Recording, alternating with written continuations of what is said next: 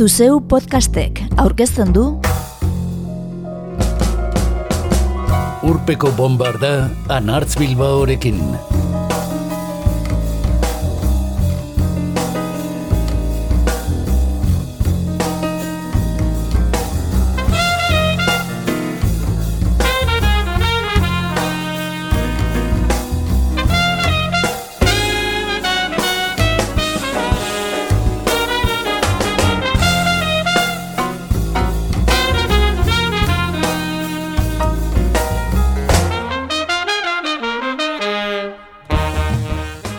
David Crosby zenari buruzko hiloarrean folroka definitzen lagundu zuen, diote guardian egunkariak.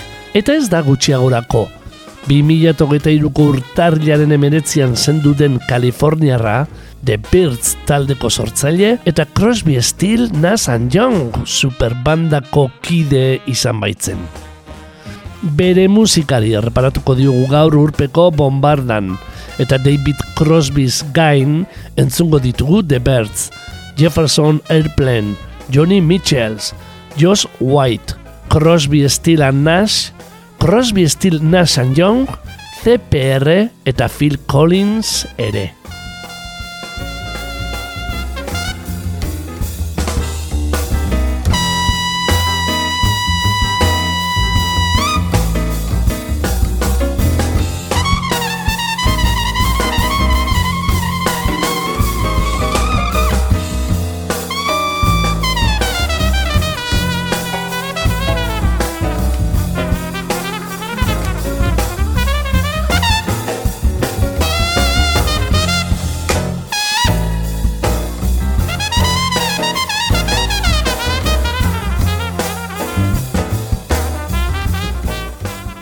2008ko urtarliaren emeretzian zendu da David Crosby, laro bat urte zituela.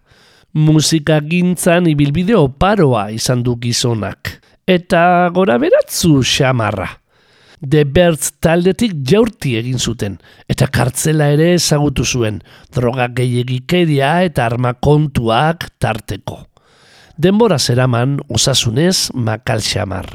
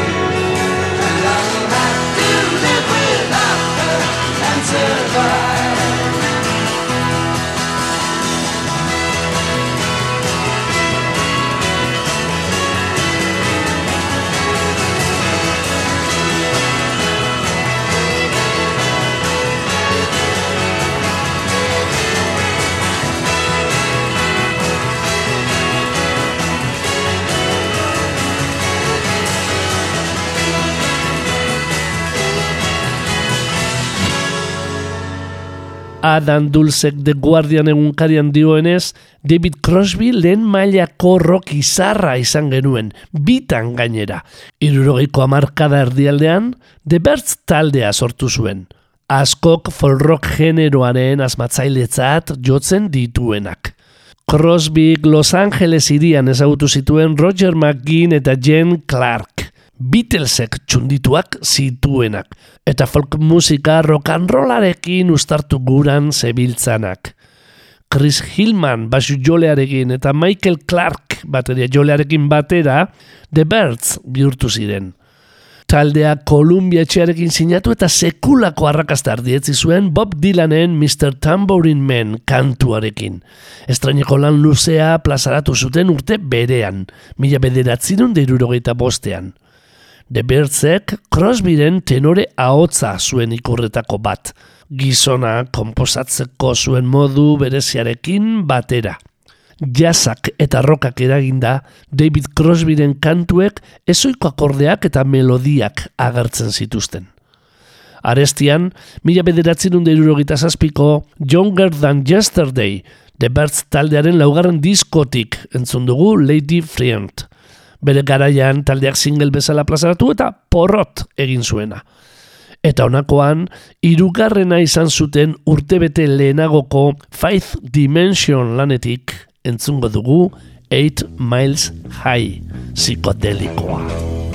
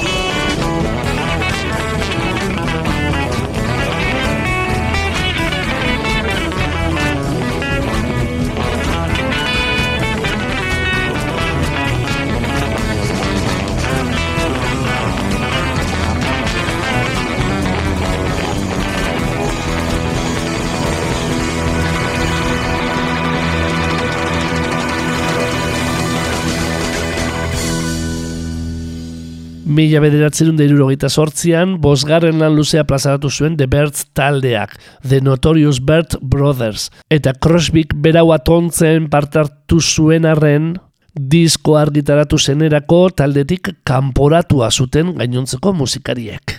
Moko fierxa marra izen Crosbyk, antza, Monterriko jeialdian izan zuen kalapita medio. Aipatu diskoan argitaratu zuten, berbarako, David Crosby idatzitako triat kantua. Menaxa trua, batez mintzo dena, eta hasiera batean gainontzeko taldekidek baztertu zutena. Gerora Jefferson Airplane taldeak berrirakurri zuen kantua. Eta hori da jarraian entzungo duguna.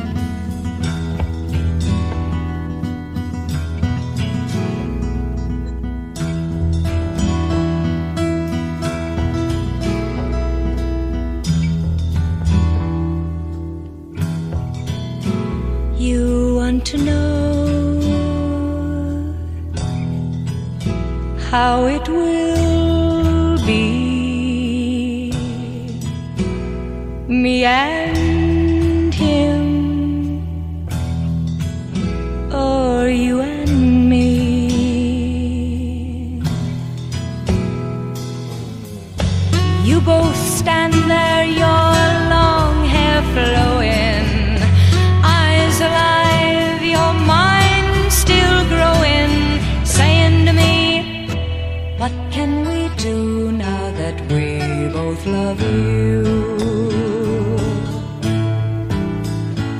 I love you too. I don't really see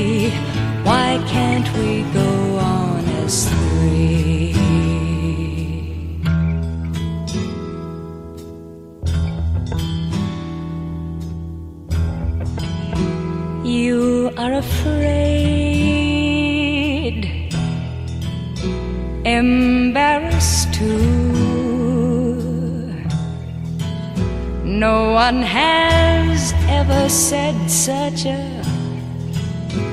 thing to you. Your mother's ghost stands at your shoulder, face like ice, a little bit colder, saying to you, you cannot do that, it breaks all the rules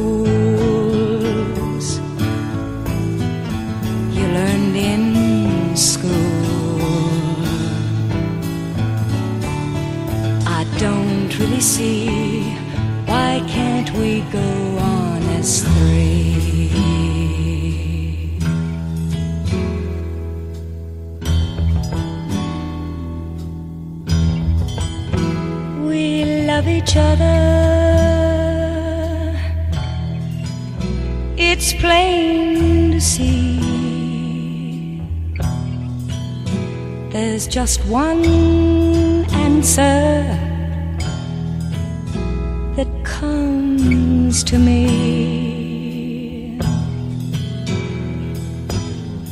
Sister lovers, water brothers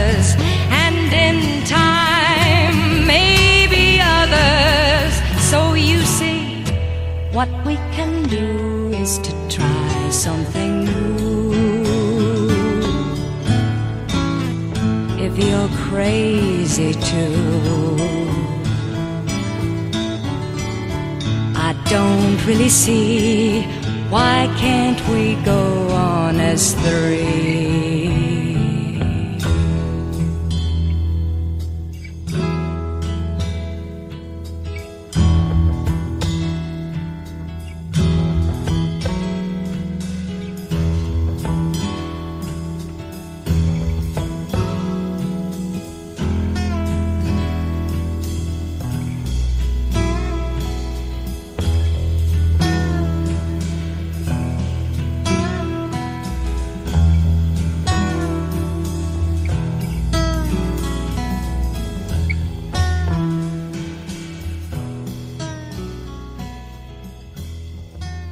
Jefferson Airplane taldeari entzun diogu triat, Crow of Creation diskotik.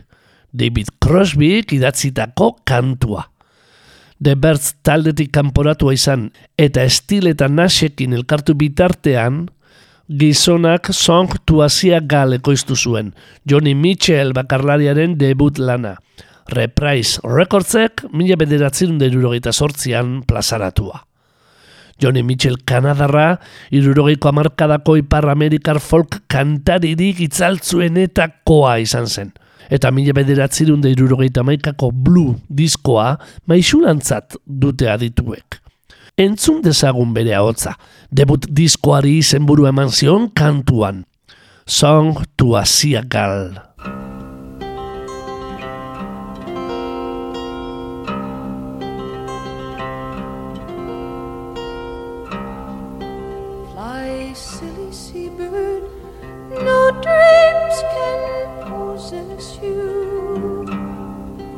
voices can blame you for sun on your wings. My gentle relations have names they must call me for loving the freedom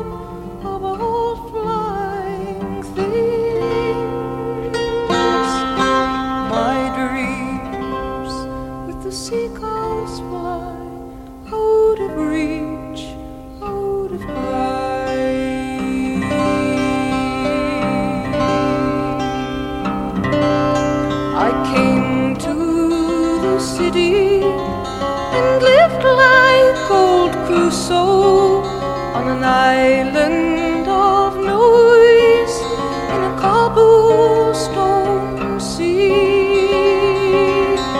And the beaches were concrete, and the stars paid a light bill,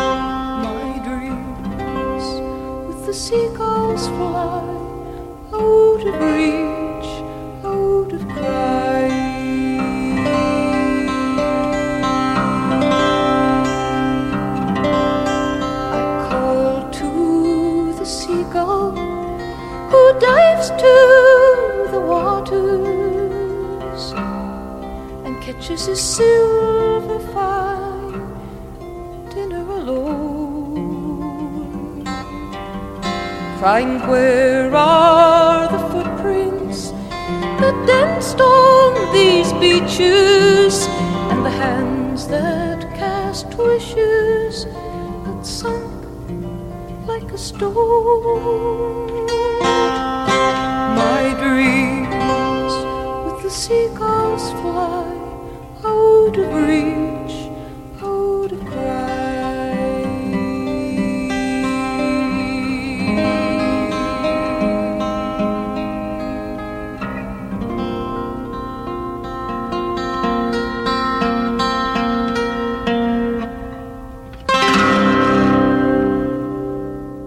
Birdsetik kanporatua izan zenean, Stephen Stills eta Graham Nashekin elkartu zen David Crosby. Eta folk rock superbanda osatu zuten irurek lehenik, eta Neil Jaunekin laukotean gero. Buffalo Springfield taldeko kide izan zen Stills, eta The Hollies Britanniar taldekoa Nash. Irurek elkarrekin harmonia ederrak osatzen zituztela eta mila bederatzen da irurogeita bederatzean Atlantic Records etxean disko bat plazaratu zuen Crosby, Stila Nash irukoteak. Eta itzalandia lortu. Diskoan Stilsen lana nabarmentzen bada ere, irure kondutako kantuak bildu zituzten. Crosbyk, berbarako, Kennedyren hilketari erantzun zintzoa eman zion Long Time Gone kantuan. Gai sozial eta politikoak jorratzeko prest zirela argi utzita.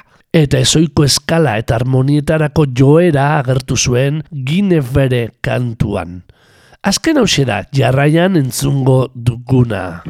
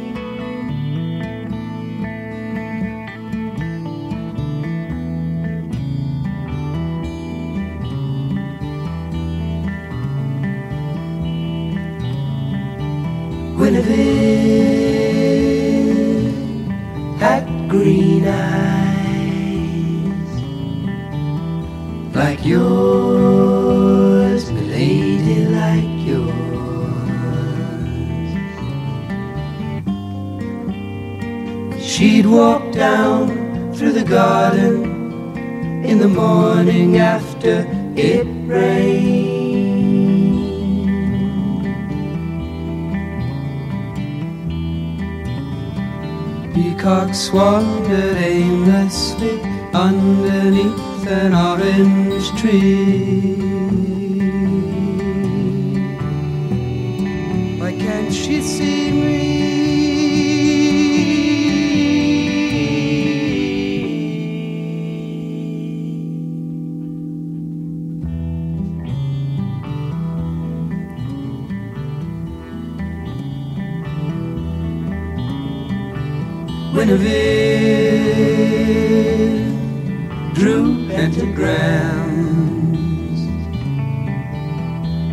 Yours, milady, like yours. Late at night, when she thought that no one was watching at all on the wall.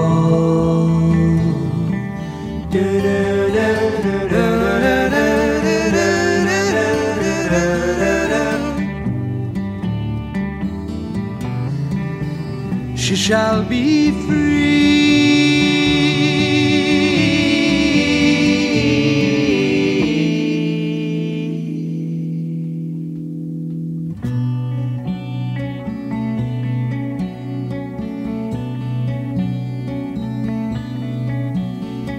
as she turns her gaze down the slope to the harbor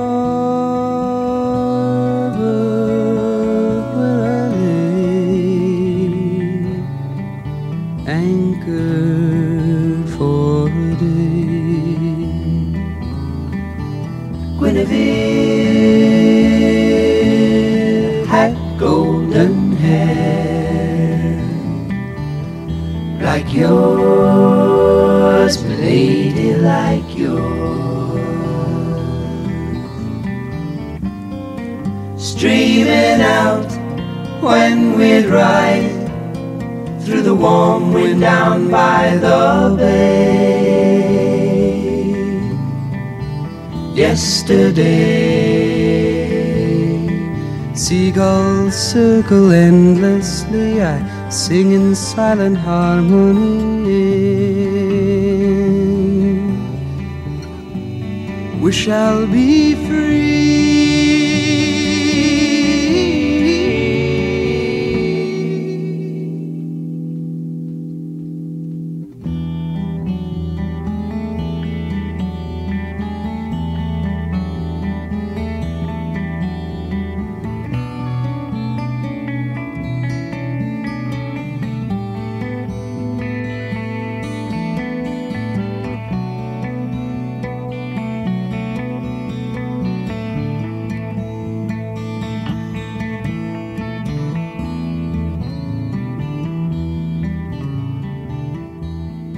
Irukote zena laukote bihurtu zen Buffalo Springfield taldean Stephen Stilsekin batera partartu zuen Neil Young gaztearekin batera. Crosby, Still, Nash and Young. Taldeak sekulako jartzune eta arrakasta izan zuen. Hasiera hasieratik. Elkarrekin sortutako hau harmoniai esker ezezik, taldekideak garaiko gehi politikoetan busti zirelako. Eragin handia izan zuten irurogeita marreko kontrakultura estatu bat tuarrean. Amarkada hasieran, mila bederatzen dut irurogeita marrean, deja bu plazaratu zuten. Amalau milioi disko saldu zituen lana. Bertako kantuetatik, Crosbyk Almost Cut My Air idatzi zuen – kontrakulturarako borroka oiua. Eta diskoari zenburua ematen dion abesti harrigarria, akordezkegiak eta espero gabeko tempo aldaketak dakartzana.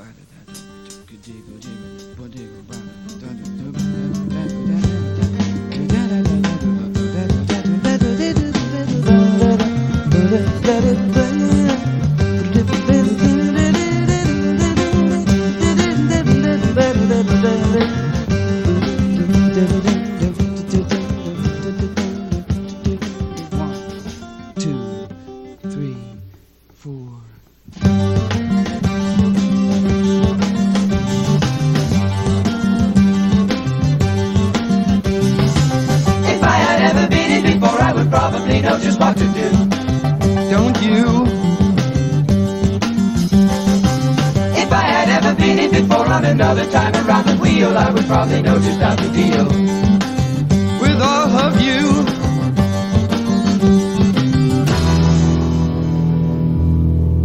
And I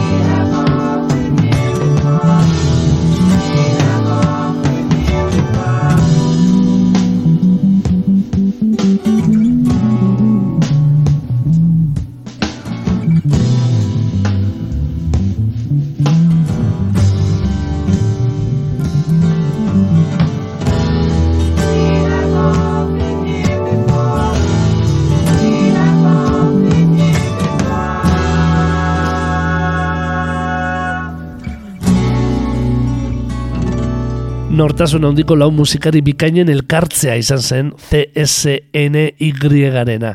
Askorik iraunetzuena, taldekiden arteko talkak medio. Irurogeita marreko amarkadan bertan, bakoitza beraldetik zebilen jada. Gerora, hile luzea eta morsa bigotearekin, antesko jaka sonian zeramala agertu izen David Crosbyk, bakarkako ibilbideari ekin zion. If I could only remember my name, plazaratu zuen mila bederatzerun irurogeita maikan. Tarteka marteka laguntzarrekin elkartuko bazen ere. Izan laukote, irukote, zein bikote formatuan. Graham Nashekin batez ere. Alta, drogamenpekotasunekin eta armekin lotutako aferek, marihuana, LSDa, kraka, kartzelara eraman zuten aro ilun xamarra izango zuen musikaria. Mila bederatzi dut laro gita bostean, espin aldizkariak David Crosby, bizirik illa izeneko reportajea plazaratu zuen.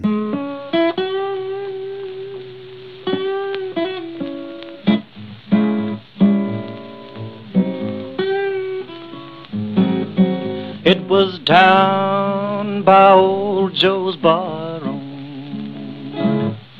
on a corner of the square. They were serving drinks as usual, and the usual crowd was there. On my left stood Big Joe McKennedy and his eyes were bloodshot red, and he turned his face to the people. These were the very words he said. I was down to St. James Infirmary. I saw my baby there. She was stretched out on a long white table, so sweet cool and so fair.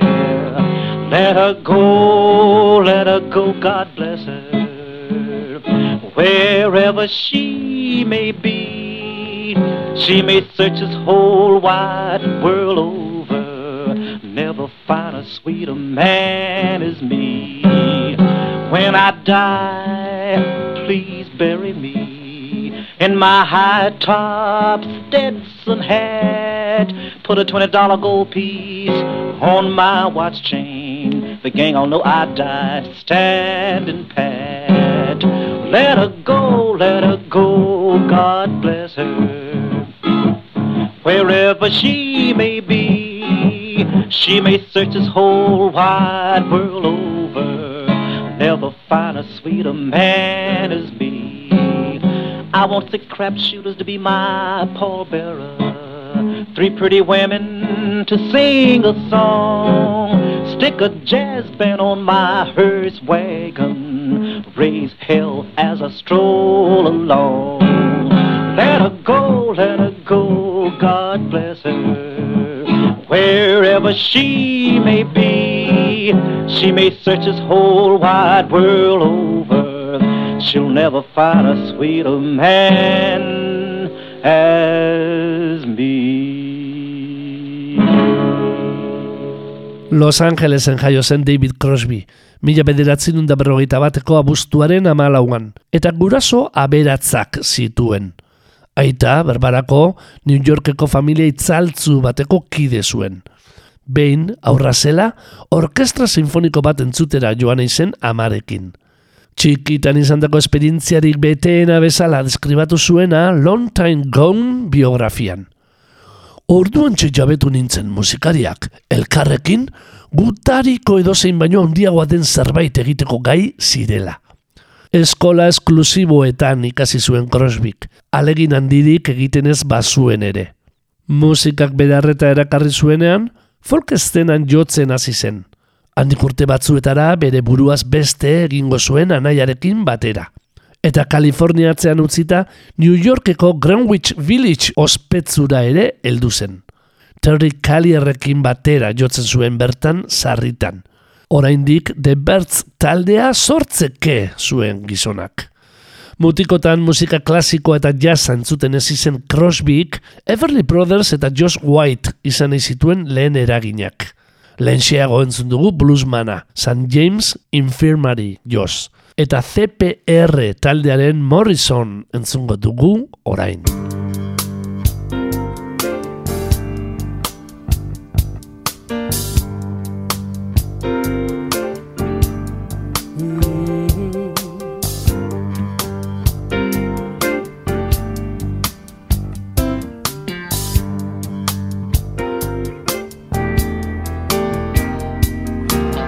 He was lost and I don't think He wanted it that way. Like a gull blown in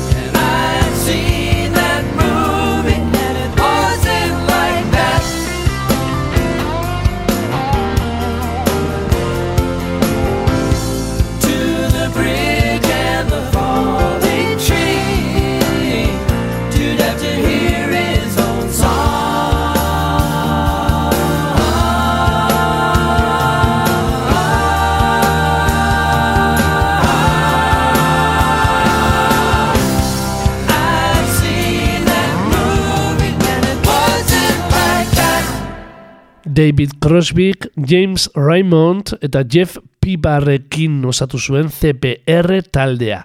Mila bederatzen da mazortzetik bi mila eta batera bitarte jazz rock kutzuko laulan luze plazaratu zituena. Kontua da James Raymond David Crosby beraren seme biologikoa zela. Aita elduaroan ezagutu zuena, mila bederatzen da laro gita bostean.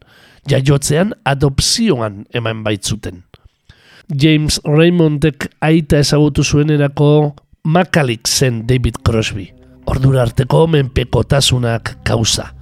Mila bederatzen eta laro malauan berbarako C hepatitisa zuela jakin zuen, eta kibel trasplantea egin zioten.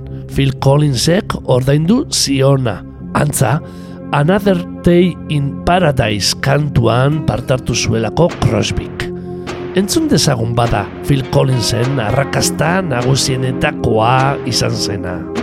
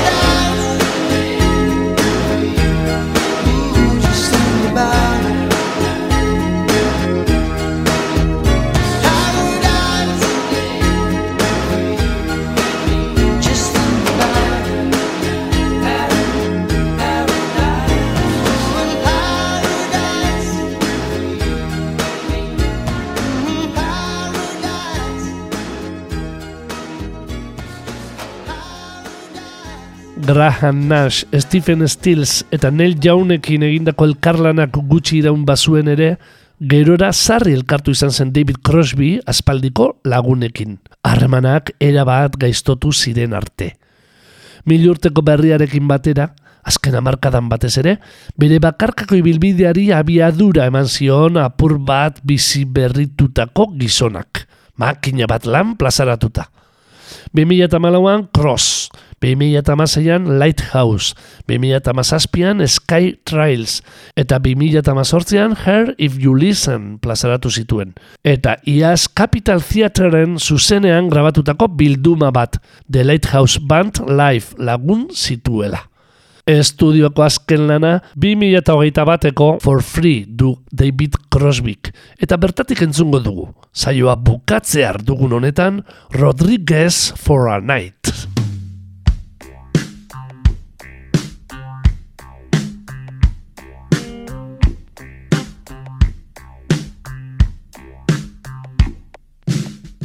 I once rode with an angel through the whole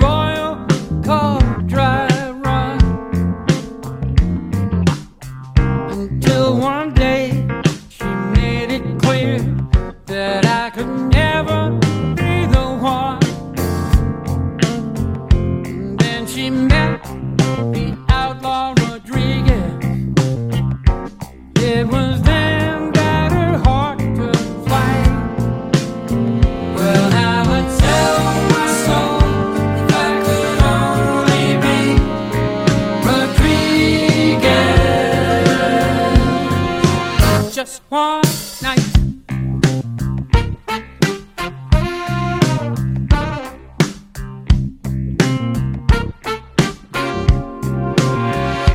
I confess he had some qualities that might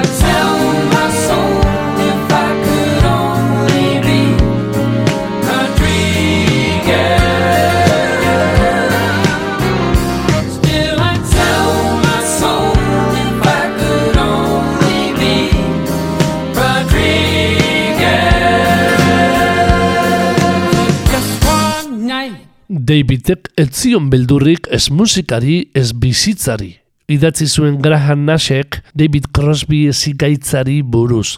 Lagunaren eriotza ezagutu berritan. 2006an Times aldizkariari esandako adierazpen batzuetan eta irurogeiko hamarkada ahotan hartuta, zera bota zuen Crosby berak. Eskubide zibilei buruz zuzen genbiltzan. Giza eskubidei buruz arrazoia genuen. Ez ginen okertu bakea gerra baino bea zela esatean. Baina ez genekien ezer drogei buruz. Eta horrek asko eragin zigun gerora. David Crosby, Remember My Name dokumentalean bestalde, Gizona damututa ageri da, eta are, lotzatuta, hurbilekoekin muturtu izanaz, eta markada luze batez bere burua izorratu baino etzuelako egin. Lauthin da David Crosbyren kantuen artean itzaltzuenetako bat. The Beatles taldeko George Harrison gitarra jolarentzako idatzi zuena. Laguna zuen azken honek erabili ez bazuen ere. Iaz plazaratutako zuzenekotik berau entzunda agurtuko dugu gaur, David Crosby ezagutu eta omentzeko asmoz osatu dugun urpeko bombarda.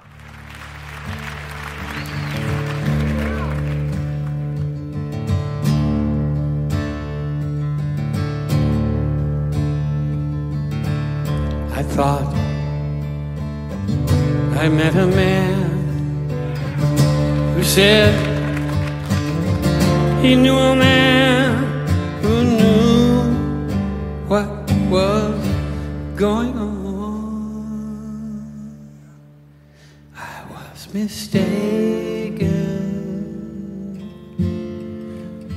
Only another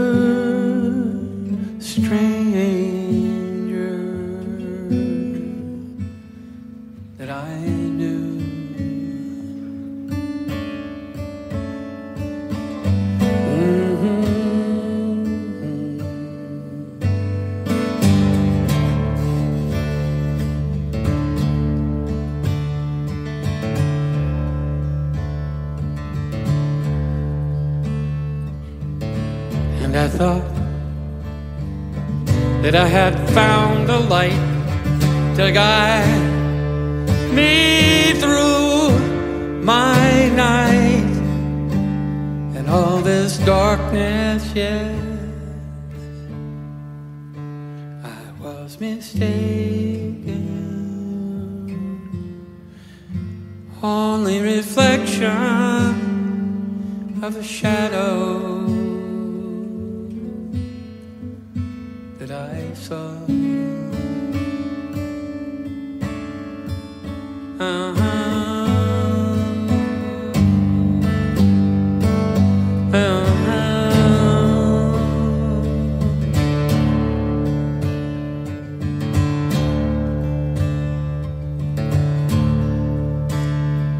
And I thought that I had seen someone who seemed at last to know the truth. I was mistaken. It was only a child laughing